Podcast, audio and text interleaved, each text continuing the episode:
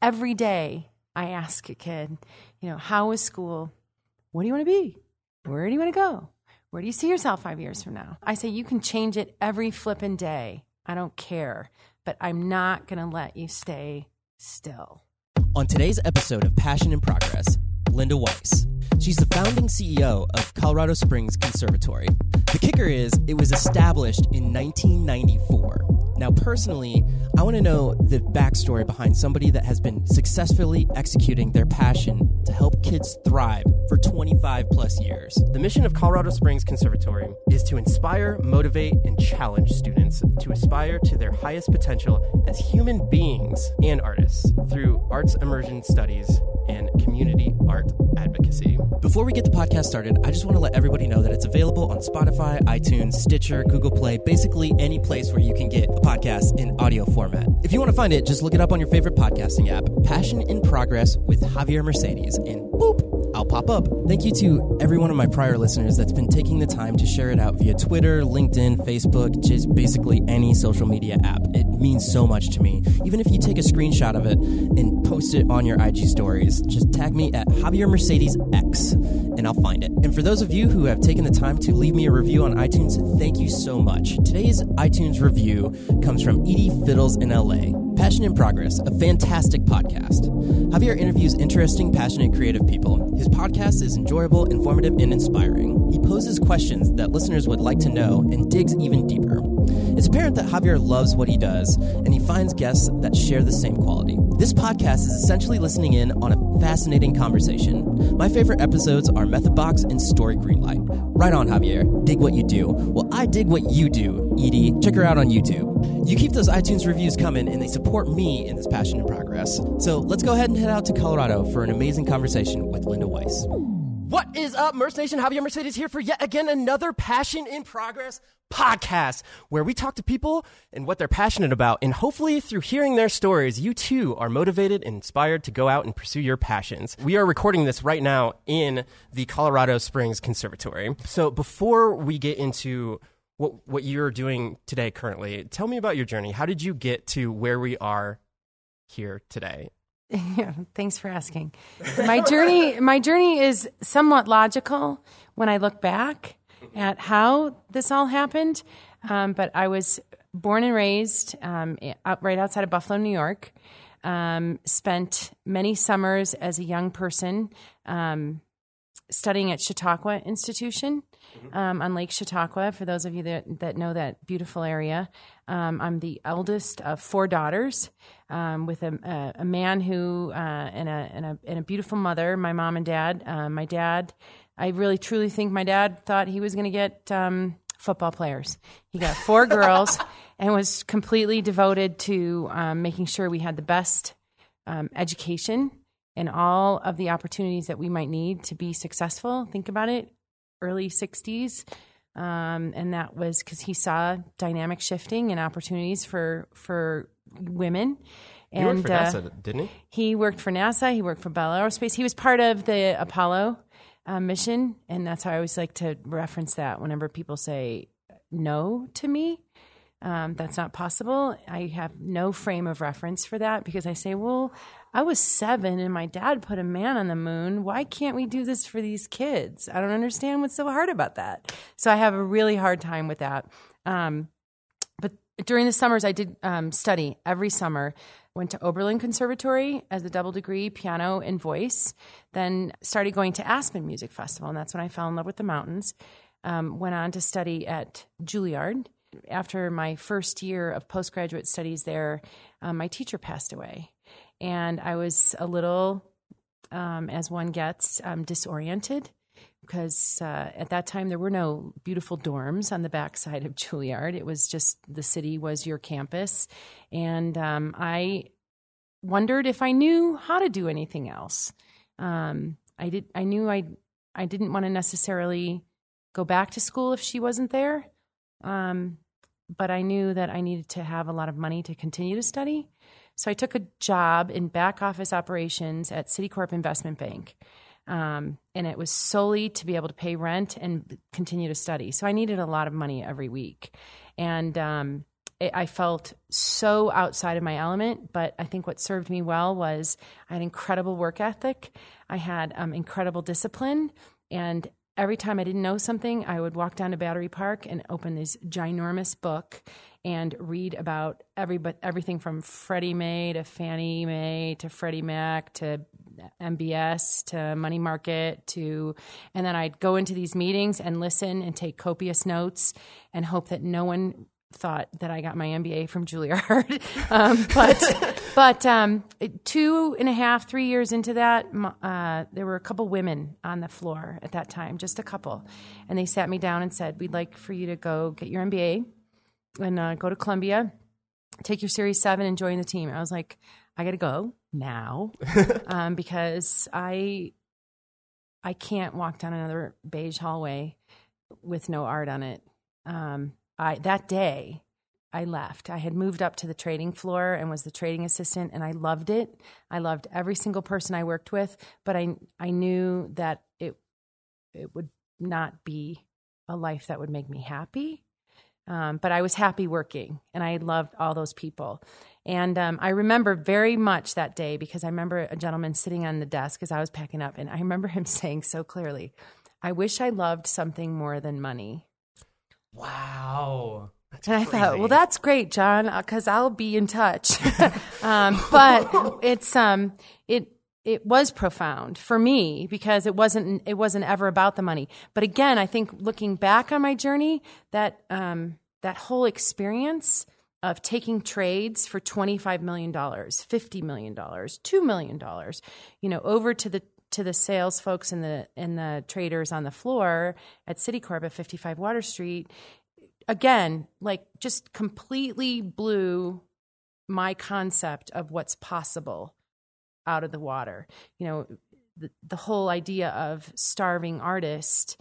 I, I, I never equated with that because I was always around this this element of um, no, you don't have to be. I mean, there's people that can that want to work together to make something amazing happen. So what happened out of that was taught I was certified aerobics, and it was just a fun. I never wanted to leave the city ever. I love the city. Period. I love it. Um, but I was also very spoiled. I had um, a dear friend who worked in the artistic department at um, the Metropolitan Opera, and so I was very spoiled. And I'd go four to five times a week to the Metropolitan Opera. Irony of ironies, I never went and saw a Broadway show. That's crazy. Well, it's kind of crazy, but it also shows what a snot I was. you know, like I'd go to Carnegie Hall, I'd go see the New York Phil, I'd go to the ballet, I'd go to the opera, but Broadway. Hmm. So keep that in perspective because now I've landed in the middle of America where every kid wants to be on Broadway. So it's been an incredible it's been an incredible journey. After um, I left Citicorp, I went to work for a foundation called the Richard Tucker Foundation, and to this day, Karen um, is I consider her one of my mentors. Um, this tiny little voracious woman who raised so much money every year to put on a PBS special with all the famous opera singers, build prize money for opera singers, um, and still have time to write a handwritten thank you note, but raised millions and millions and millions of dollars. What I learned from her was how that works because here I was sitting in this tiny, tiny little foundation, and all these people from Wall Street were walking in to be on the board. And I was like, huh, I see how that works. They they want to support art at that level. Um, they understand how important it is to support art at that level. They also understand that young artists need help along the way. So I learned a lot from Karen. Um, all along the way, I'm performing, I'm doing my stuff, and kept as often as I could come out to study at the Aspen Music Festival. And um, in the early 90s, I just um, decided um, I wanted to be near the mountains. As long as I was near an airport, I could do what I was trained to do, which was at that point be an opera singer. And um, and so I moved to Colorado Springs. I thought I'd land in Denver, and I landed at first in Denver.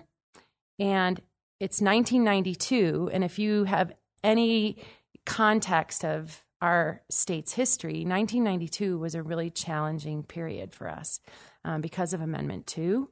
and it was a national kind of uh, story. And so my friends Becky's were like, "You're going to go where?" To you know the hate state. That's kind of where Colorado was coined. But then I got here, and Colorado Springs at the po- at that time was kind of the mecca for all of this commotion behind Amendment Two. But I came down here and I went to a symphony concert, and it they were so good. And then in the percussion department, or in the percussion section, was a friend of mine that had gone to Oberlin and Juilliard. And I call, I stayed after, and I asked him, "What is it like here?" And he had nothing but amazing things to say. And I said, "Well, shame on the media for painting such a a crazy picture of this state. Maybe there's a few people, and there are always, you know, going to always be a few people, no matter what the the measure is. But at the end of the day, Colorado Springs was the size city and had the cultural backbone that I was really looking for. Fast forward just a few months, and I did it, my pers- first professional performance here, and folks came t- up to me afterwards and asked me to start to teach their children. Really? And I was like, oh my God, I'm in New York City like almost 10 years. I don't think I've seen a kid. Like, what do they look like? Remind me. And I'm not, I'm not an educator, but I took a few students at first, realizing that it's an incredible amount of trust and it's very humbling and the impact is profound. But what I saw was kids who had hopes and dreams of things way beyond what they felt like they could they could reach. Um, and i'm coming from this ecosystem on the coast where everything isn't within reach. And you have people that are one degree away from helping you get there. And that's when i started uh, putting together the pieces. And i like to say that it, it wasn't so much about how great you are but it was about the tools that you had and that no matter what or where you were in your journey as a student, as long as you had those tools and the humility to understand that there's always more to learn, um, then you were going to be successful. And so, one by one, started putting together team, had and allowed at first kids to kind of pick and choose what they wanted. And of course, they choose as little as possible at first. And we weren't uh, we weren't that successful. Mm-hmm. And so I put my foot down. I said, if anybody wants to study with me and these incredible professionals, and there were just a few of us that are around the table that want to help you succeed, you have to take everything. So if you're going to come and you're going to study piano, or you're going to study violin, or you're going to study voice, you have to take music theory. You have to study piano. You have to take performance class. You have to study aural skills. You have to study theater. You have to study now recording arts. Um, and these are going to be the tools that not only afford you to succeed if you decide, yeah, I want to go to Berklee School or I want to go to Oberlin Conservatory or I want to go to um, New England Conservatory, but they afford you the, the longevity of being able to um, stay there. But we also have kids that don't go into music and it serves them really well. They have the presentation skills, they have the confidence, they have the creativity, they understand how to give back to their community, which is profi- is very important to me personally. If you look around this place, it's just surrounded by love, and it's it's not because we think we're so great. It's just that I've kept the conversation so present with this community and our leaderships and our governments and our business and our civic and our arts organizations that people go, yeah, we recognize this. 25 years later, we shouldn't be here, but we are. And I'm really grateful. And it is all about the kids, hands down. I think one of the things that was really important to me and it's incredibly different about this place, not only the connectivity to the community, but the fact that we don't audition kids and we get the results that we do. Speaks worlds to this team. I have a great team, great team, and um, super committed to listening to each child um, super uh, focused on um, completing the community, which is also very important. So, for instance, we have a partnership with all our military installations. You know, why should the military be so separate from the arts? That's an interesting perception. Um, but at the end of the day, you get um, folks that are, you know, designing satellites to keep our country safe that all they really want to do is come over and learn some country tunes on their guitar. And you're like, sweet, we can do that. To let down rank, to let down um, the idea that you need to be at a certain level of achievement, um, and just make your soul full. That's what we're all about. Yeah, it speaks volumes to me because uh, personally, when I went to college, uh, I went for music technology, and in getting that degree, I didn't know how to play piano, or I was part of like a high school band, and I was doing things like recording and everything, and I could, I could, I could sit and play some uh, some one four five on some guitar and things like that. Okay. But in order to get a music technology degree from Ball State, you have to get a music degree. You have to you have to play an instrument, and um, you have to minor in another instrument. So I uh, went to the person that I was taking piano lessons from at the time and was like, "Well, we got to not play Mary Had a Little Lamb anymore." We're moving up. yeah. So then I started. that's great. Yeah. So then I started playing uh, Debussy and Chopin and other things like that. It took me three semesters and um, three aud- auditions to get in. They allowed me to take some of the classes uh, there, but I finally got in. And in high school, I was a very mediocre student. And I think what you're getting to is just you demand excellence from anybody that's uh, around you in terms of bringing them up in the level that what they think is capable.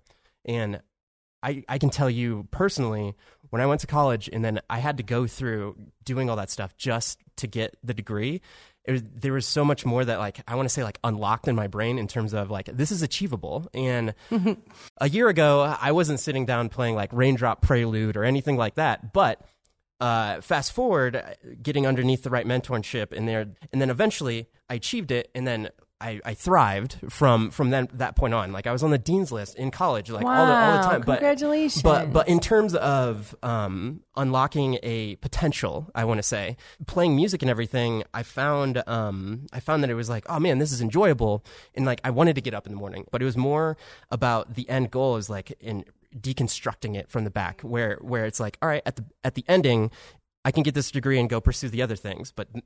The first thing is let's get into the school of music. Let's do Right. it. And uh, once you start achieving all of these higher end goals, it's like, ah, yeah, you, you can you can put the work in, you know. Yeah, no, it's, that's that's it exactly. And I think one of the things that I hear you saying also is understanding too the the discipline and the process along the way. It's so true. and not i think the the way that folks perceive it now it's been an interesting journey to watch how the psychology of that has shifted over 25 years having kids realize and embrace that process um, because it's it is a world of little sound bites right and so they don't know that you have to go lock yourself in a practice room for a long time to to be able to achieve that but gosh when you walk out and you have it achieved um, it's, you feel pretty pretty good, and then nothing's impossible. So yeah, you get it. Yeah, that uh, that leads me to talk about the kids here and everything. What you do for mentorship and everything. Can you can you speak to what you guys do from the day to day and uh, the kind of kids that are coming in here and who you're working with? Sure, it's um, and I'm grateful for that question because I think the perception is when when you see kids out in the community and you see them perform, because they do perform a lot. We do over 300 outreaches a year. That's crazy. And it's so great. So it could be anything from seriously the mayor's office calling saying, we need a little jazz trio in the corner during this reception. We say, great. Or a national anthem for a, the therapeutic riding gala out at the stables, to uh, we need you to create a theater piece for the Humane Society. I mean, that's our way of sharing. It's also a great way of keeping the kids goal oriented, right? And again, also introducing them to different sectors of the community that they might not otherwise be exposed to. But then what's interesting or fascinating is, you know, we're doing work with one of the hospitals, and kids go, Yeah, I think I want to study music therapy.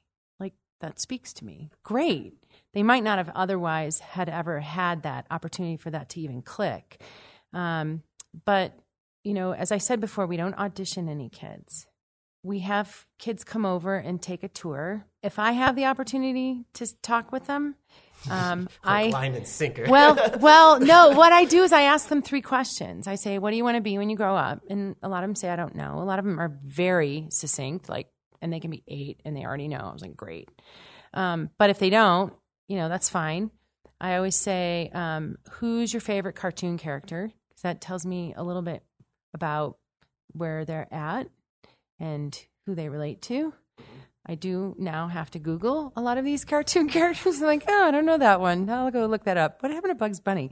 Um, but the um, the the last question is, I think, is fun because I say if you were on a desert island and you had only the creations um, of your favorite PB and J, what would that look like? And it's interesting um, because some of the kids will say, "Well, I don't like PB and J," or they'll say, "Oh, I have like this nut bread with chunky, and then I have like seed strawberry jelly." You go, "Okay." Or some kids say, "You know, I carve off the sides of the crust, and I only like grape and smooth, creamy." It's an interesting moment where like you can right away get to know the kid with the, just those three questions. It's not like I, there was any psychology behind that. It was just like me sitting down with a bunch of kids and going, you know, I didn't want to audition them. If they do play, we say, hey, play something for us. No pushing, but we want to put the kids with the right mentors.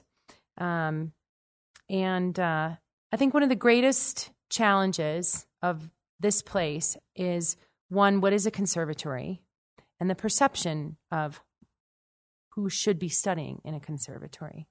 And I see that as one, we collectively as a society continue to lower the bar for kids and we start eliminating more and more arts programs. Why wouldn't we create a place where if a kid wanted to be here, they could? But it's rigorous, it's going to kick your butt. Um, and but you're going to be with really cool kids. Um, you're going to be with kids from literally in the after school program a hundred mile radius.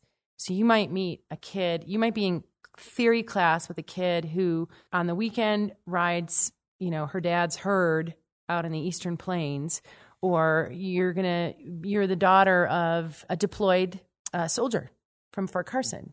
You might also just be a, a really, really um, well off, adjusted kiddo, um, maybe from the north side, whose parents, you know, both grew up here. Um, you have this incredible continuity here in in this region. Um, so it's it's it's this incredible mixed bag, and I've worked very hard with the community to override the perception that this is a place for really wealthy, really talented kids because we don't know what they're capable of. The ideal scenario is that a kid walks in here when they're three and they leave when they're 18 and um, and we have this progressive curriculum that allows them to one for a period of time for a long period of time actually experience everything. So the mentors and the mentors are great. They're so committed to the kids um, that if they um, if they see something happening or if they recognize maybe there's a talent that we're not addressing you know, like so and so is always in the piano lab. She's like writing a lot of stuff. Really? We didn't, you know, she's not sharing that, you know? So, how great is that? That you've got probably your average eight or nine year old has, um, can have eight mentors here, which is amazing. Um, and they're all very talented. We all still perform, which is important, mm-hmm. but yet they're not about them. And that's that's a hard thing to find. But man, when you find it and you can provide an ecosystem for the mentors and they're happy, then the kids are happy. Every child, we represent every single sector, um, geographic area, literally within 100 miles in the after school program. We have the poorest of the poorest kid and the richest of the richest kid, and every race, color, religion in between and somehow we have like this incredible little Greenwich Village here where there's shared enthusiasm and shared ideas and shared creativity, but yet all within the rigor of, you know, what could be for some kids 12 to 20 hours a week, mm-hmm. which is like a part time job. they never feel like it, which is great, right? You would yeah. want the world full of happy people mm-hmm. Who are just creating and continuing to make the world a better place. The, speaking towards diversity, um, can you tell me how just like seeing the interaction in I I'm a firm believer in that whole I, I don't know who came up with the concept, but the like you're the average of the five people that you surround yourself with, like in terms of leveling up the expectations of what you yourself are can achieve. I think in, in being in what you're describing, being in an environment like that, you're like, oh, so and so can do this. Like, oh, let me get to that point. Or like, if somebody's really uh, aspiring to do something, it's really cool to not only encourage other people in what they're pursuing, but also like you yourself once you get something and having that group there to be like yeah you did that that's awesome you know and can you talk about uh I, I think I heard from Heather uh, that 100% of the people that uh, come to, is it CORE? The CORE the, after the, school program. Yeah, uh, go to college. Yeah. Um, can you speak about that? Sure.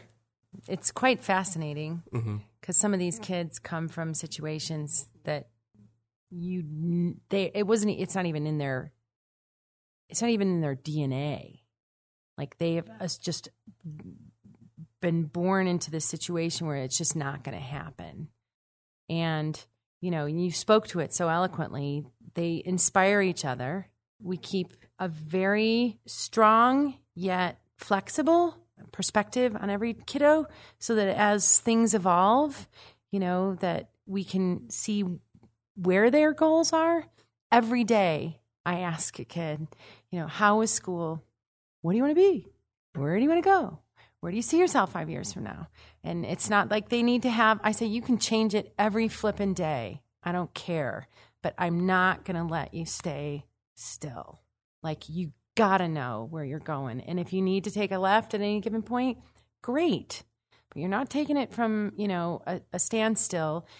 And I, I'm really proud of the fact, yeah, 25 years, we graduated 100% of the kids in, from the after school program. If they get to the 12th grade, not a lot of them stay through the 12th grade.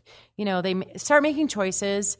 Um, you know, somebody might want a letter in swimming, and it's just not going to work with schedule. Or, um, you know, or this is it's it's too hard, or they move away. Um, but the the kids that get here and they stay through the 12th grade I'm really proud of that because it's quite an achievement. And, you know, we don't test anybody. Crazy. Every day it's is a, a test. it's a, I think it's, it speaks volumes to just how much you expect from them and then it's just understood that like you are going to achieve excellence um, just by asking yourself like why are you here to be doing this thing every day yeah and then people that persevere if this is what like I, I like what you said about the um, the swimming thing because it's like all right if you want to go pursue that at least they're still motivated to do something right. you know right which is which is awesome and I feel like that's another um, another like sub I don't know thought or theory behind like all right if you are setting yourself up to be goal oriented in whatever you're doing in life then like you have the assets and the um, the skill sets to pursue those things um, the the, uh, the last thing to bring to that is the alumni you've been here so long I know that uh, they're older than me now. the it's so weird. The alumni are some of them coming back? Oh my gosh, I'm so proud of the fact that so many alumni come back. I I I love it. Um, I want to say nearly, probably a little over a third of our mentors are alumni. It's crazy. And there's a lot that are in the community doing amazing things. In fact, I just wrote um, a recommendation for one of them for Colorado Biz, which is a, a, magazine up out of Denver. And you know, this kid's grew up here. He um, he runs an organization called the Quad, which is um, a, a group of students from each institution Air Force Academy, Colorado College, UCCS, and Pikes Peak Community College. And these students come together, and with Jacob's leadership, Jacob is the young man I'm talking about. They um, they look at the the region and start to help businesses and um, other organizations kind of make strategic choices from their young perspective and um, in Jacob's, um, what did he say? He's 26 now. That's crazy. And he and he didn't create. I mean, he was asked by the leadership from UCCS to create it, but he went to Wesleyan to study uh, political science. Got a Fulbright um, to go to Uganda and start this business. Worked for I don't know what's that shoe company? Z- So Zappos. yeah, yeah, yeah, Zappos. yeah, yeah. Okay. So, so my point is, the kid's like really bright, Mm-hmm. but at the end of the day, what was funny was I, I asked him if he had anything he wanted me to add to this um, application, and he's because one of the pieces, one of the questions was, how does this leader, how does this young professional contribute to the community? And he said, How could I not know otherwise growing up at the conservatory? It's just like you just become curious. You want to learn more. Out of that comes respect. Um, but, um, you know, he's one example of many. We just got through doing an enormous um, performance piece called Jack, a moral musical tale. And Josh Franklin another alumni came home to direct it. Cece Wells was the creative designer behind it, another alumni. We had two alumni in it. Um, it, it sets a, a totally different standard. It's one thing to be nine years old and be in studio class with a 14 year old. And it's a completely different thing when that nine year old and 14 year old then start working with this 34 year old who's been on Broadway half his life, um, writes incredible music, has two CDs, you know, it's just, and he's incredibly kind and talented. And you go, why wouldn't I want to grow up to be like that? And then to have assess, uh, an accessible um, pipeline of communication, like just to be able to walk right up to him at the ripe old age of nine and say, how did you get to Broadway? And the guy like sits down and tells you about it and says, started here. Miss Linda made me get up and sing every dang time I turned around. And so I know no fear. I know, or I know that fear is there and I know how to walk through it. I'm not going to let it, you know, stifle me. And anything's possible. Like just keep working, just work hard, work hard. And I think, you know, if I had to say, you know, one thing that, and we talk about it, the alumni and I, because I think the oldest class is just now turning 40. We talk about it, how challenging it is with these, with the phones and the difference between when they would come in 25 years ago. The only thing they could do was go into the practice room and create with each other or practice. And now our greatest challenge is to make sure that they don't walk into the lounge and get on their phones. And it's not that, I mean, there's a place for them. You know, we want them to look at artists, we want them to learn, you know, look at songs and things like that. But, you know, we have to constantly remind them. But that's another great thing about alumni. It's like they come in and, and they tell those stories. So it's not just me being the, the phone cop, you know, or Heather walking around going, eh, get it, get rid of it. The alumni come home and they say, you don't need it right now. Mm-hmm. It's it's great. Why don't you go practice what I gave you yesterday? And um, so the alumni are huge, and they're they're so near and dear to my heart. I mean, and they're so flippin' diverse. There's one young lady getting her PhD in modern Islamic art. That's awesome. And there's another one who's an international opera singer out of Australia. Um, we have our share of doctors, lawyers, engineers, fashion designers, um, teachers. Yeah. And they're all really great human beings. That's not to say it wasn't always, it wasn't always easy, you know, but I think in the big scheme of things, we all learned a lot together. You know, I'm grateful to those kids, especially the ones at the beginning. My God. It was like we moved pianos, we moved every. I mean, it was just like you want to show. My God, here's a rock and a piece of cloth and a box. We're gonna put on a show. My God, but we've we evolve, you know, and and we always held each other accountable. And I knew whatever I did, the kids were watching, and I believe that to this day. And and so, you know, I have no problem sharing with the kids what it takes to run this place.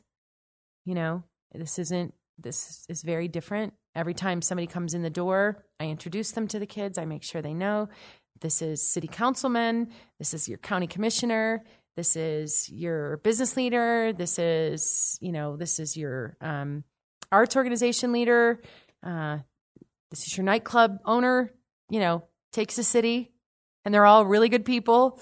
And you ain't learning this stuff in civics class, so I'm going to teach it to you here. So, um, so it's it's uh, and this man makes radiology equipment. I mean, this person manufactures this.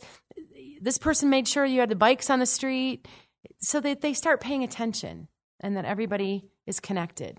And just because you play an instrument, um, you know, doesn't make you um, something not part of that fabric. And I'm really proud to say, I mean, I think a lot of I think a lot about the fact that there's so much live music now in this community, and I'd like to believe that we played a huge part in it. It was it was not fully embraced at first because I'd put the kids anywhere. Mm-hmm. But when they got to a certain point and they were good, it's like, "You're going, you're going, you're going," because otherwise, you know, they're sitting in their practice rooms, right? Nothing more incredible than to say, "Yeah, you're playing at the mayor's VIP reception." Nobody's going to pay attention to you. They call it wallpaper, but but you're playing two and a half hours, three hours. So you better practice. Um, and God, they get so good so fast. It's great. But the alumni are also part of that. So the alumni, we can call an alumni and say, we need you to go play a gig with the kids. They totally get it. They're like, okay, put on their little performance black. And they go and they're like, hey, how you doing? They set up with the kids and they, you know, they own it it makes me so happy to have so many alumni. That was always the vision.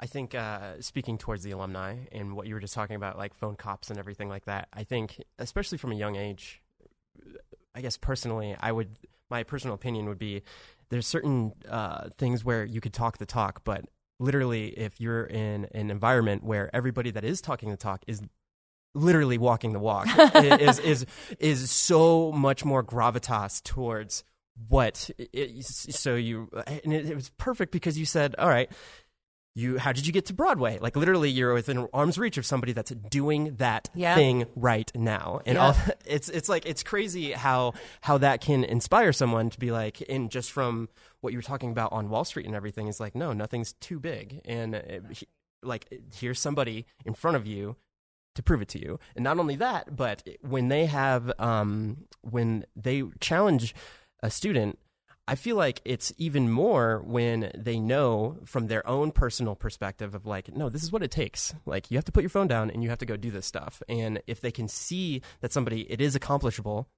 and it's not just like seeing the um, uh, what would be perceived as an overnight success. Right. Uh, it's like no, it's all those hours in the uh, in those uh, training rooms and everything. It's constant. yeah, getting to the point of where those people are at today. Yeah. I and I you you you talked about it briefly. Let's talk about Jack. Um, okay. And with that, one of the staggering things that uh, Heather was telling me about was the suicide rate here in Colorado, which is crazy.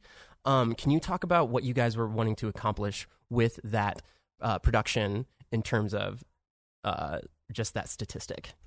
Sure. I think. Um, well, I think it should be noted that we didn't kind of enter into Jack realizing the impact. Can you can you give context of what Jack is? Just sure, the, Jack is yeah. Jack is a a, a musical, mm-hmm. and um, that I had originally written in 2017. It's not like I'm the greatest writer in the face of the earth. I create for the kids, and at that point in time, we had an enormous number of young boys. We have a lot of boys anyway, um, but at that point, they were like 11 to 13. And that's always the time where they start hanging out with different kids. They start making their voices are changing. They're like, everything's adjusting. And anything I can do to keep them, you know, focused or feeling like they're achieving something, especially if they're singers, they really struggle. And um, because they don't know, right? Like one day they're a baritone. um, so, so, um, so I had had this story in my head again, one of many, many stories, and I said, if if you guys let me lock, lock myself away for a few days, I'll just get this out, and we'll do that for the musical because everything was very girl centric, and this was 2017. In the spring of that very year, our region suffered um, a huge blow. I think it was 15 teen suicides in a little less than two months, so and crazy. and we're a funny city in that we're always one degree of separation. We're growing at such a fast rate, but we're still one degree of separation. So I felt like it was like all of us, especially as parents, We're just mourning. And every time you turn around, you're like, what is happening? These were all um, older kids, high school kids. Um, and this, in addition to whomever else was engaging in this atrocity, um, you know, because we do have a lot of military who struggle and um, and any younger kids. But what was the focus at that moment was the the high school kids. And so at the same time, you know, I'm creating Jack. We go into this um, into this uh, rehearsal process for June 2017, and it's a little it's a story about a little boy named Jack who um, is a bully, and he's really bad bully. And I don't know that I necessarily modeled it after anything. I just knew that bullying was part of their ecosystem, and I hear about it all the time. I say, well, bullying is going to be part of your life. I got bullied. This is what I got called. They loved hearing about that. Um, and, uh, but, you know, the beauty is the more you appreciate who you are and what you can do for the world, the less likely you are going to be to be affected by someone trying to bring you down.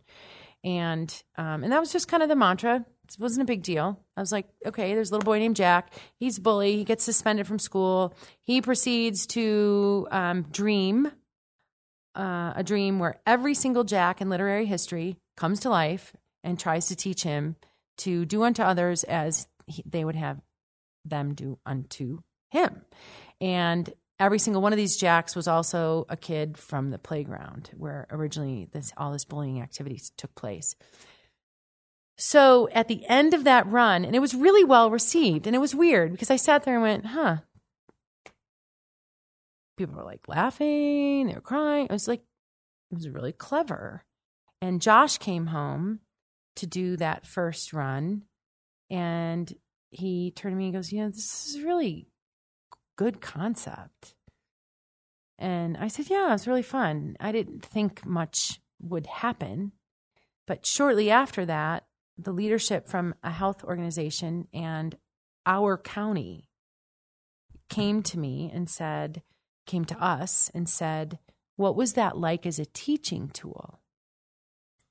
And I didn't necessarily think of it like that around bullying because the kids were younger.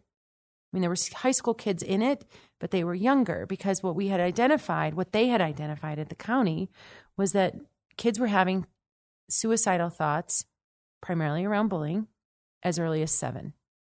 That's insane to even think about.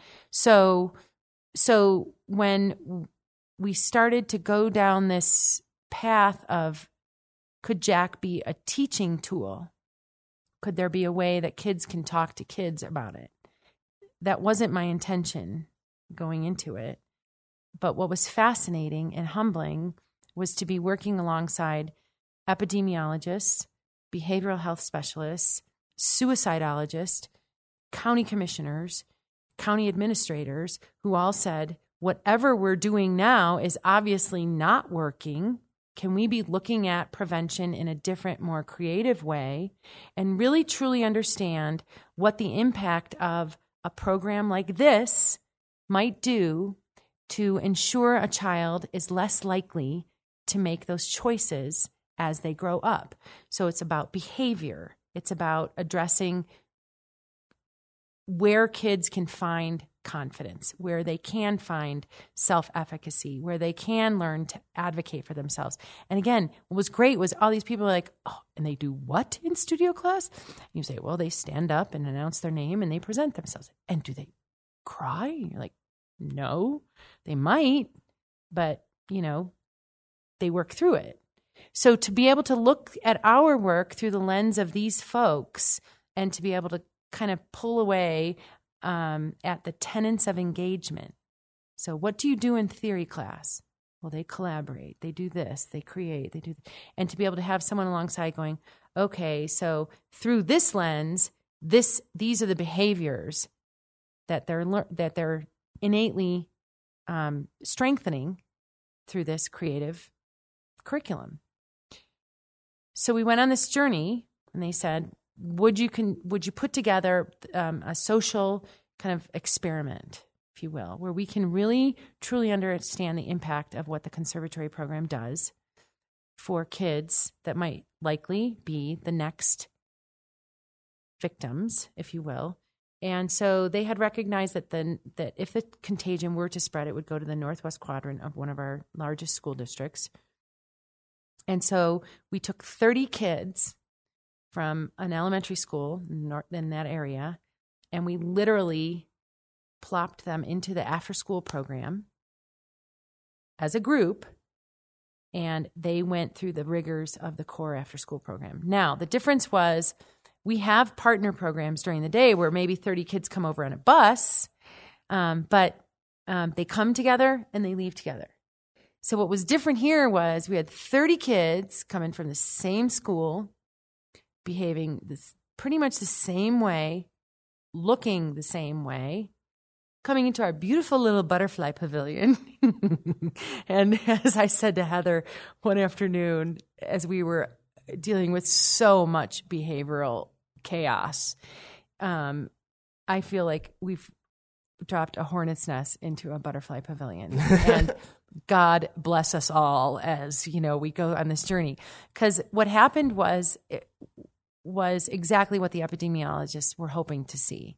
We saw incredibly hostile behavior coming into an ecosystem where it just doesn't it doesn't happen. It's not tolerated. We don't have a bureaucratic process where you know you have to go to the principal's office and then you're going to get suspended and then you just this this this. It's like no just pick that up come up to miss linda's office come up to miss heather's office we address it.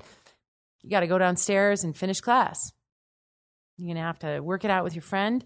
But what we had was a situation where these kids were coming in and we were able to measure things um, as it related to primarily resilience and empathy.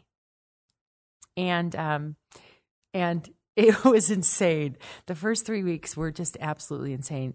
Bullying beyond your wildest imagination. Um, name calling you would never imagine to occur with nine and ten year olds. And I don't I don't necessarily live under a rock. I do sometimes, but I was uh, flabbergasted. Um, but we were able to address everything, measure, keep kids accountable, keep them engaged. Out of those 30, we only lost three. And that was primarily because it got too hard. Parents came in, life is hard. Rescue, go away, good luck and that was that broke my heart because we've seen that but again within the context of this experiment it was fascinating to have that variable but so the kids went through the whole entire semester and then they had a whole nother month of eight hours a day of rehearsals and we brought jack back and performed it up at the Ent Center um, at UCCS. And um, we had Josh directing it. Josh uh, helped quite a bit to um, uh, rewrite some pieces. We added some more jacks. We added Jack of all trades, um, which was primarily um, to teach empathy. Like if you really get to know somebody, um, chances are good you're going to learn something from them. Uh, and so that was great. And then we brought in three of his um, Broadway friends, and uh, and and one gentleman in particular, Brian Sears, went was just above and beyond. He was here two weeks and um, what he brought to the table was amazing. And he even said to me, he said, you know, if you'd asked me to do this gig a few years ago, um, it'd been a great gig in Colorado. But now I have a one year old and a three year old, and this is a totally different conversation and message for me. Um, so we brought Jack back to incredible success, and it, it was really fun, and and nobody expected it and um, we've yeah we've got conversations to bring it um, out to the world which would be you know again quite unbelievable. So just little little story. That actually brings up a question of you you have kids yourself don't you? I do. How did um having kids yourself change your perspective of what you're doing here? Oh. Nothing else matters that's not just me as the mother of two beautiful girls. I don't want to get emotional, but nothing else in the world should matter except children. And and I feel like whatever little piece of the world we can make better by affording a kid an opportunity, oh God, um, to be better and to understand their contribution, like that's that that should be all we're doing. And it doesn't matter if you are a little kid interested in dolphins or you're a little kid interested in plants or you're a little kid who wants to make bridges. Like the minute they say that, you should be doing everything in your power to make sure that kid has what they need. And and then we we wouldn't be in this pickle. I love it because it's um the overall underlying why of like just a infrastructure like this is I feel like you just summed it up. It's uh, it, it, from the beginning. If you instill these, I, I want to say like morals or whatever, whatever it may be, for people to be set up for success, it just turns into something beautiful. I'd yeah. Say. Well, and and a lot of it is is just is is helping them realize what they can bring. And for us, the vehicle is music and theater and and there's so many organizations across the country that are doing things like this. They're so important. But I think the other thing is really paying attention to kids and whatever their interests are. And um, there's just a lot of them that fall through the cracks. I mean, every time I see a kid get into trouble in the news, or we work with the court systems, and I just I say, God, if I could have put a guitar in that kid's yeah. hand, you know, if I could have just done anything, mm-hmm. then he wouldn't have stolen that car. He wouldn't have hurt that person. Or, um, but I think what's really fun is that after so long and such a great track record, and not ever assuming anything or thinking less of somebody if they don't see it, more and more of our civic and um, government leaders are really truly understanding the impact. And also, for me, what's important is the individual kid. So, our emphasis is not large ensembles. Like, I want them to go be in those large ensembles, but I just want to know who you are. I just want to know where you want to go. And then I just want to do anything I can to help you get there. And if you want to build bridges or build submarines or invent things. That's another thing that I get from kids all the time. I want to invent things. I'm like, like what? And they're like, well, like a better toaster. Like, why does it always burn? I go, I don't know. Like, why? That's so crazy. Isn't there a dial on it or something? Yeah, but sometimes the dial doesn't even work right. So you just like find you okay, who knows? That kid's gonna have like 200 patents by the time they're you know 35, and you just want to put them around other crazy, inventive, curious friends of the conservatory so that um, so that they can feed off that. Yep. Yeah, and in the meantime, you play your jazz piano. Go practice. so that's the vehicle. You know, that's the vehicle, and mm-hmm. this becomes very safe, and it becomes very um, important. A lot of kids say it's their home away from home. A lot of kids say it makes me understand better. I heard one little girl the other day at the open house talking to a prospective parent, little eight year old, telling a parent, well, I hope that your daughter comes here because this is the place where I found really who I am. I'm like at, at the ripe old age of eight. so, wow. but she sings up a storm and she is fearless. And, you know, and they say, here, everyone knows my name. Cheers. I know, right? Thanks for caring. You know, thanks mm-hmm. for asking all these questions. Yeah. I think one of the most powerful things, and it, it speaks towards the talk to talk, walk the walk thing, is not only are you have you set up the infrastructure here of what you're doing, but you also went out of your way to take in like like you said a bee's nest and just bring it in here and, and challenge yourself and everybody that's here to really prove what you want to do and it worked you know it and did work it, that that's like I don't know what would actually get you out of your comfort zone because it feels like you're very accomplished at just like, all right, no challenge is too big, you know? But in terms of doing good, it's like, what's what's the next thing we can do that like we're really making oh, impact, yeah. you know? And it's something like that. I think that's crazy. That's awesome. Well, in that, it, you know, the other thing, honestly, Javier, is that it comes down to people. Mm-hmm. And not cell phones. No, no. And just sitting across the table from a senator knowing that at the end of the day, he's doing the best he can and I'm doing the best I can. And I might not agree with everything that person's doing, but you know, this is this is what it's all about. At the end of the day, it's these kids, and I know you love kids, Mhm. and I know you you know appreciate community, and you know how do we work together, or that that business person, or that um, I don't know. That life is just full of surprises when you take a second just to get to know people, and I'm I never take it for granted because this place would not be standing if it wasn't for the people that gave me time at the beginning. Because a lot of people didn't give me time. I think they thought I'd go away, but I didn't. The question of if somebody tells you no, which really means maybe, is Yeah. that is that is that a thing? I have no idea what no means.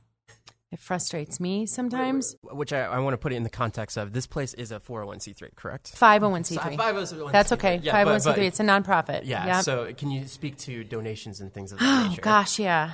We um, tuition and fees for service covers about forty percent of what we need to do. So we have to raise about sixty percent of our operating budget, and our operating budget is so thin. I don't like to come from a place of scarcity, though. Abundance. I always speak, and and you like people walk in and go, "Oh, she has everything she needs." Actually, we don't. Like, there's some light bulbs and stuff, but you know that's on the third burner. But the I don't like to come from that. I like to say, "There's a child." I mean, period. That's where it's going to go. That's where it's going to go. So um, I do spend the majority of my time raising money. But again, I feel like I learned from great people. I learned from my mom and dad. I learned uh, from that, you know, if you can put a man on the moon, you can raise ten thousand dollars in an afternoon. what, a- what an example. Well, such a crazy example. or like you work on Wall Street and you go twenty five million dollar trade, like goes over to the Fed wire by four o'clock, you know, ten times. I'm sure I can raise ten thousand dollars today. Um, like just knowing and knowing what comes of it. I think that's the other thing that people are so they feel that there's so much trust because you see the alumni coming home, you see them in leadership postures, you see them being contributing citizens here. Like, why wouldn't you want to support the conservatory? Yeah, and so so um, and again, you know, I hear no a lot. I hear no a lot. Everybody thinks, oh, no one can say no to Linda. People say no to me all the time. But it doesn't mean I don't stay friends with you. It doesn't mean I don't thank you for your time with a handwritten thank you note. It doesn't mean I'm not going to invite you to another recital and hope you change your mind because this kid's amazing. um, but uh, it's um, it's it's every day, all day, every day, all day. What ah, so so many mantras. I love it. every day, all day. Um, but before we wrap this up, there's there's I guess it speaks to what we're talking about here with donations and everything. And uh, if you could enlighten me on Colorado in general in terms of the weed laws and what where that money goes, is would something like that benefit a place like this? Um, yes. I, but, but that's like something completely sensible Yes. from Texas. I don't like. Well, what what, what Is it would ha- legal in Texas? Pardon no, me. yet? no, uh, Yet? I don't. I don't know. Okay, no, okay. no, no. It's not. Okay. Um, but it will be. Yeah, but can will you be. can you speak to um, uh, Colorado in general and just like what that would do for a place like this? I guess if Sure. like the money. I get. I don't. It's just like such a foreign concept to me. Sure. Well, there's an um, there's quite a bit of tax dollar revenue that came about once we legalized marijuana as a state.